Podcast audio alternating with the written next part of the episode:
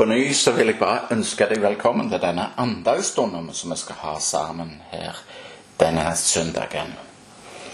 Jeg eh, kjenner nok det at det ligger ting over i mitt hjerte som jeg har lyst til å dele med dere. Og så må vi be Gud om at jeg får lov til å dele det på den måten som, som jeg kjenner inni meg.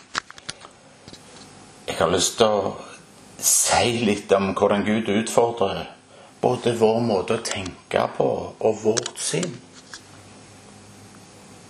Så Herre, takk for at ditt ord er sannhet. Dine løfter gjelder.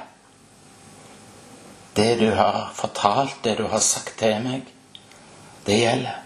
Tilgi meg når jeg lar tvilen kvele det som du gir. Herre, hjelp meg til å høre din røst og, gjøre det du ber meg om, uansett hva det er. I Jesu navn. Amen. Jeg skal dele et ord fra første Korinterbrev, andre kapittelet. Så står det noen vers som, som, som Paulus sier, ifra vers 3. Jeg var hos dere i svakhet, under stor frykt og beven. Og min tale og min forkynnelse var ikke med visdomsovertalende ord, men med ånds- og kraftsbevis, for at deres tro ikke skulle være grunnet på menneskelig visdom, men på Guds kraft. Amen. Amen for at deres tro ikke skulle være grunnet på menneskelig visdom, men på Guds kraft, skriver Paulus. Og da stiller jeg meg sjøl det spørsmålet, og jeg kjenner jeg må jo stille deg det òg. Hvor hviler vår tro? Hviler vår tro på menneskelig visdom, eller hviler vår tro, hviler de tro og min tro virkelig på Guds kraft? Du vet, Bibelen forteller oss. Bibelen sier ganske enkelt 'Gå i mitt navn, vei'. Forkynn evangeliet. Legg hendene på de syke. Sett fri de besatte. La de spedalske bli rensa. Ikke sant? Og av og til har jeg tenkt at ja, folk blir friske når vi ber for dem. Ikke sant? Og noen ganger så ser vi åndsmakter. Lenker og bånd må vike. Og det, det, men det er jo ikke alltid det skjer. Jeg har, jeg har spurt Gud Jeg vet jo hva din vilje er. Og dette er ikke din vilje, Herre. For din vilje og ditt ord det står fast fra generasjon til generasjon. Ditt ord, Herre, er jo sannhet. Og da må det være noe med meg. Hva er det jeg gjør som kontrollerer eller stanser eller kveler det det ordet som du har gitt meg? Hva er det som gjør at jeg kontrollerer Guds makt? Hvorfor kan jeg ikke bare se Guds kraft flyte fra mitt liv? Hvordan kontrollerer jeg dette? Det var da jeg kjente denne tanken slo ned i meg så inn. Du har latt ditt sinn og dine tanker bestemme og styre over din ånd, mens du er skapt veien til å til at det skulle være de ånd som bestemte over ditt sinn. Når vi leser om Jesus, venner, så ser vi jo at Jesus var en mann som ikke hadde alltid det beste ryktet. Ikke sant? Blant teologer og de religiøse. Det var få teologer på den tida som likte Jesus. Fariseere, sadukere, de jaga etter Jesus. De respekterte han ikke. De Vanligvis ble han jaga ut. Folk misforsto hans motiv. Er det ikke det Bibelen sier?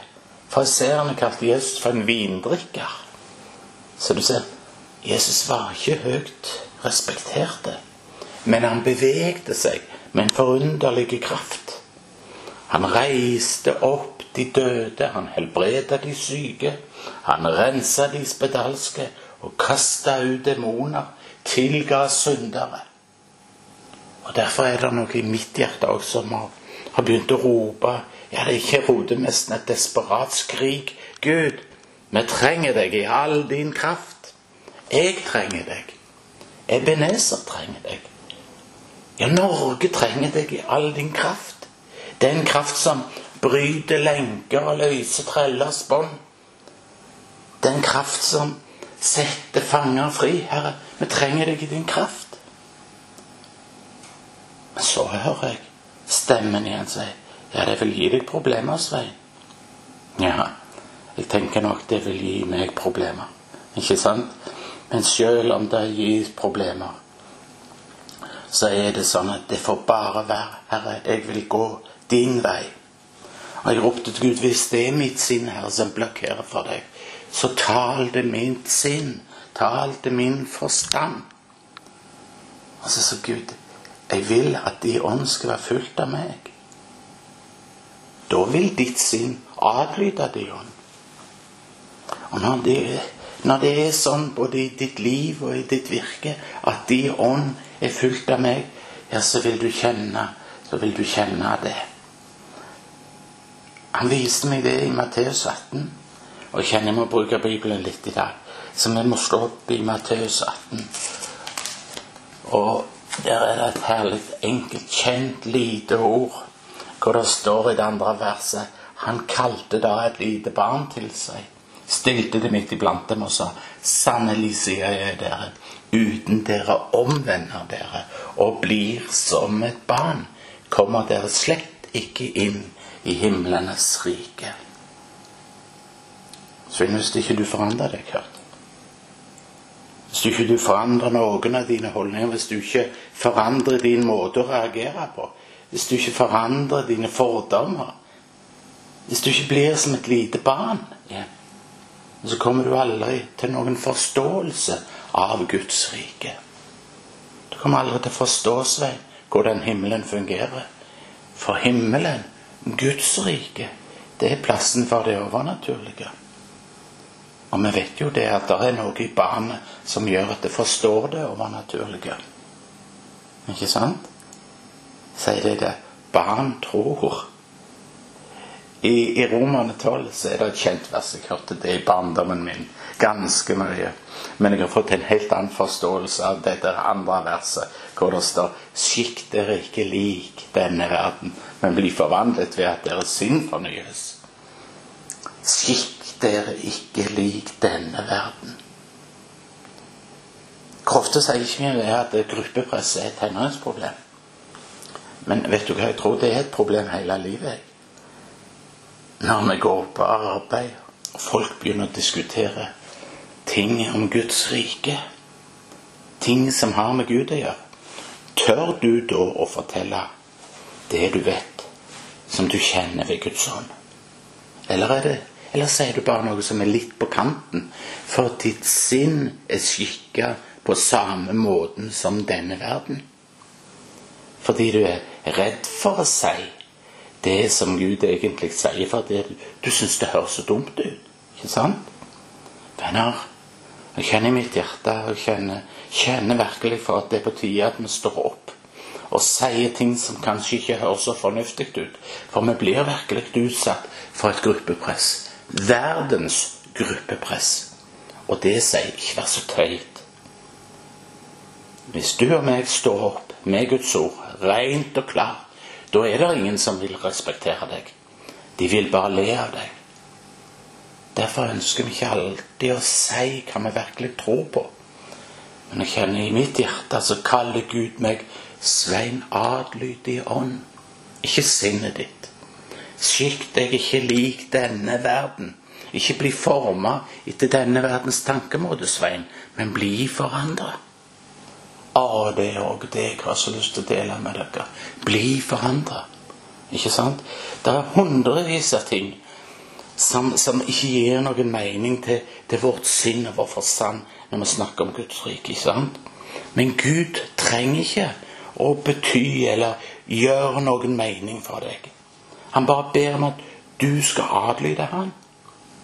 I altfor lang tid har vi kontrollert Gud med vår forstand og vårt sinn.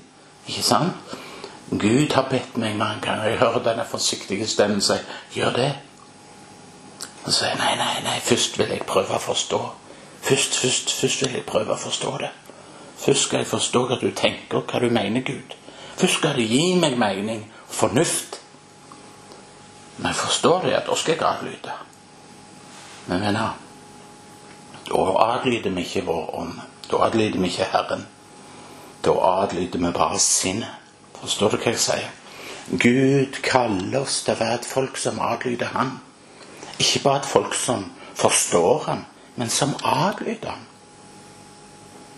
I Jesaja så står det noe i, i kapittel 55. Jeg må se om jeg finner det fram mens jeg holder på her.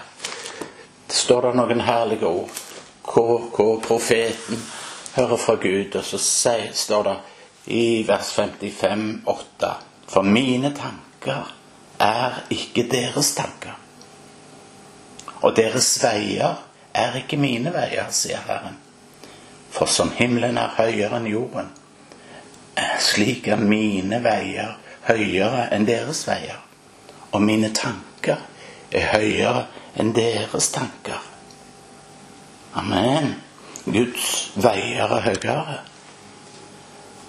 Så tror vi at vi kan kan kontrollere Gud med å forstå ham. Vi trenger virkelig å forstå at dette er sant. Vi trenger virkelig å forstå at dette er sant. Mitt syn er ikke så stort som Guds er. ikke sant? Mine tanker er ikke så store som Guds tanker. Min logikk og Guds logikk er forskjellige. Amen. Og det er sant. Og Da kan vi aldri gjøre Guds tanker til våre tanker. Vi kan prøve, og vi kan lure. Men eh, å tenke som jeg har tenkt, hvorfor skjer ikke ting? Men Guds tanker, de er ikke mine tanker. Nei. Det står noe i, i Korinterne igjen. Jeg må tilbake til Korinterbrevet. Det andre Korinterbrevet. Og så står det noe herlig der. For våre våpen står det i kapittel 10. For våre våpen er ikke kjødelige, men de er mektige for Gud til å bryte ned festningsverk.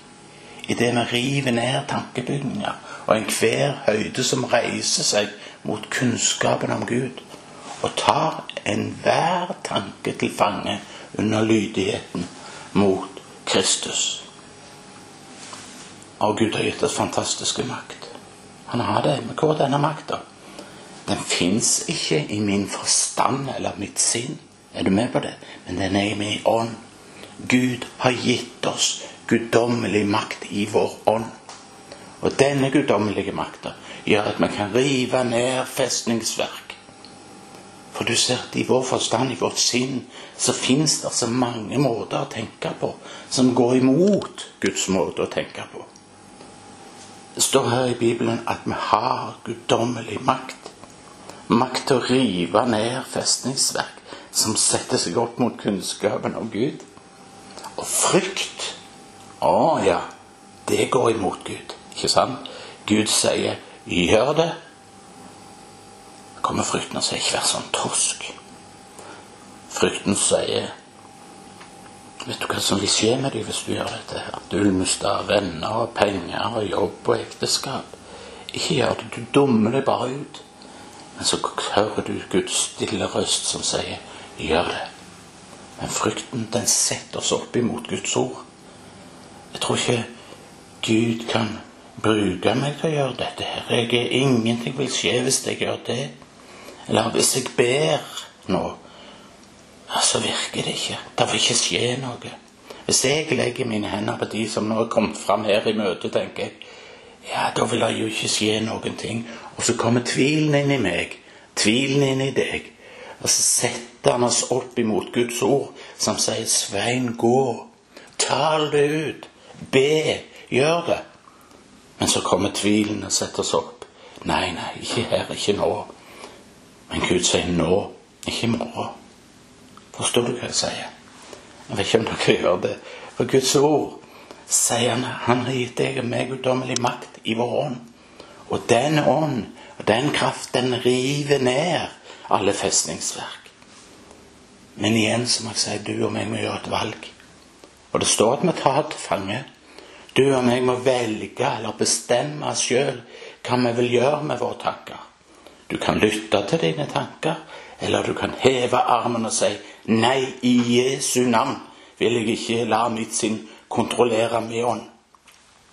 Men kraften av Guds ånd som er i meg, med den kraften som Gud har lagt i meg, så tar jeg til fange enhver tanke som setter seg opp imot Gud.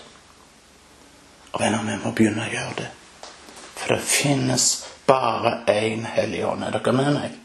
En Hellig Ånd i dag, i går og til evig tid. Den Hellige Ånd som var over Jesus, som ga Jesus kraft til å gjøre mirakler, er den samme Hellige Ånd som er i deg og meg. Kan du se det? Jesus hadde ikke en annen Hellig Ånd. Han hadde den samme. Halleluja. Halleluja. Den samme Hellige Ånd er, er den Hellige Ånd som er i ditt og mitt liv akkurat nå. ikke det fantastisk? Eller tror du gjerne at Den hellige ånd mister sin kraft etter som åra går? Ikke sant? Liksom tømmes ut. Tror du det? Nei, venner. Den hellige ånd er den samme. Hans kraft er den samme. Og når jeg begynte å tenke på det, ja, da utfordrer det meg. Kraften er den samme. Den er helt like. Han er den samme vidunderlige personen med den samme kraften i går og i dag til evig tid. Akkurat nå her gjennom meg. Den hellige ånds kraft vil arbeide i Jesu navn og herliggjøre Jesus i våre liv. Jeg tror det. Jeg har tror det mer og mer og kjenner det her i dag. At det er derfor jeg står her og taler til dere. Halleluja. Men derfor stiller jeg òg det spørsmålet. Hvor hviler de tro? Hviler de tro på menneskelig visdom? Er du trygg på det du tror fordi du forstår det? Eller hviler de tro virkelig på Guds kraft? Hvis Gud ber deg om å gjøre noe, gjør du det da for du vet at Guds kraft vil hjelpe deg? Eller nøler du for at du ikke er sikker du forstår det? Men dette er alvorlig. Hvor hviler de tro? Hviler han på din strategi, din visdom eller din teologi? Eller hviler den på Golgata kraft? Golgata verkets mektige kraft. For Gud utfordrer oss i dag. Han utfordrer oss til virkelig å stole på Hans kraft igjen. Jeg minnes denne beretningen som står i Matteus 16 om Peter. Jesus snur seg mot disiplene og sier 'Folket snakker om meg'. Hvem sier dere at jeg er? Så sier Peter, han roper ut fra Sion, du er Guds sønn, Kristus den levende. Og så sier Jesus til ham, salig er du, Peter. Dette kommer ikke fra sinnet ditt, men det kommer fra en åpenbaring i din ånd. Dette ble åpenbart for deg. Og Så fortsetter vi å lese videre i kapittel 16. Der står det at Jesus forutsier sin død for disiplene. Han sier han skal bli tatt med til Jerusalem. Sånn. Så begynner Peter på ny å snakke. Og nå sier han Nei, det må ikke skje. Du skal ikke dø. Det er helt umulig, det. Og da sier Jesus til Peter Vik bak meg, Satan. For de ting du sier nå, de kommer ikke fra Gud, men de kommer ifra menneskets sinn. Du forstår det ene øyeblikket så taler han ut ifra sin ånd, og i neste øyeblikket så taler han ifra sitt sinn. Og Jesus måtte stå imot ham og si 'Vik bak meg, Satan'. Det er sterke ord. Det er sterke ord. Det er noe i mitt hjerte som sier 'Gud, hjelp mitt sinn'. Hjelp mitt sinn. Hjelp min forstand, Jeg ønsker å være overgitt til deg. Ikke bare 10% eller 50% eller 70 men jeg vil være helt overgitt deg. Herre, alt du ber meg om, vil jeg gjøre. Så Herre, frigjør meg fra mitt sinn. Sett meg helt fri, Herre.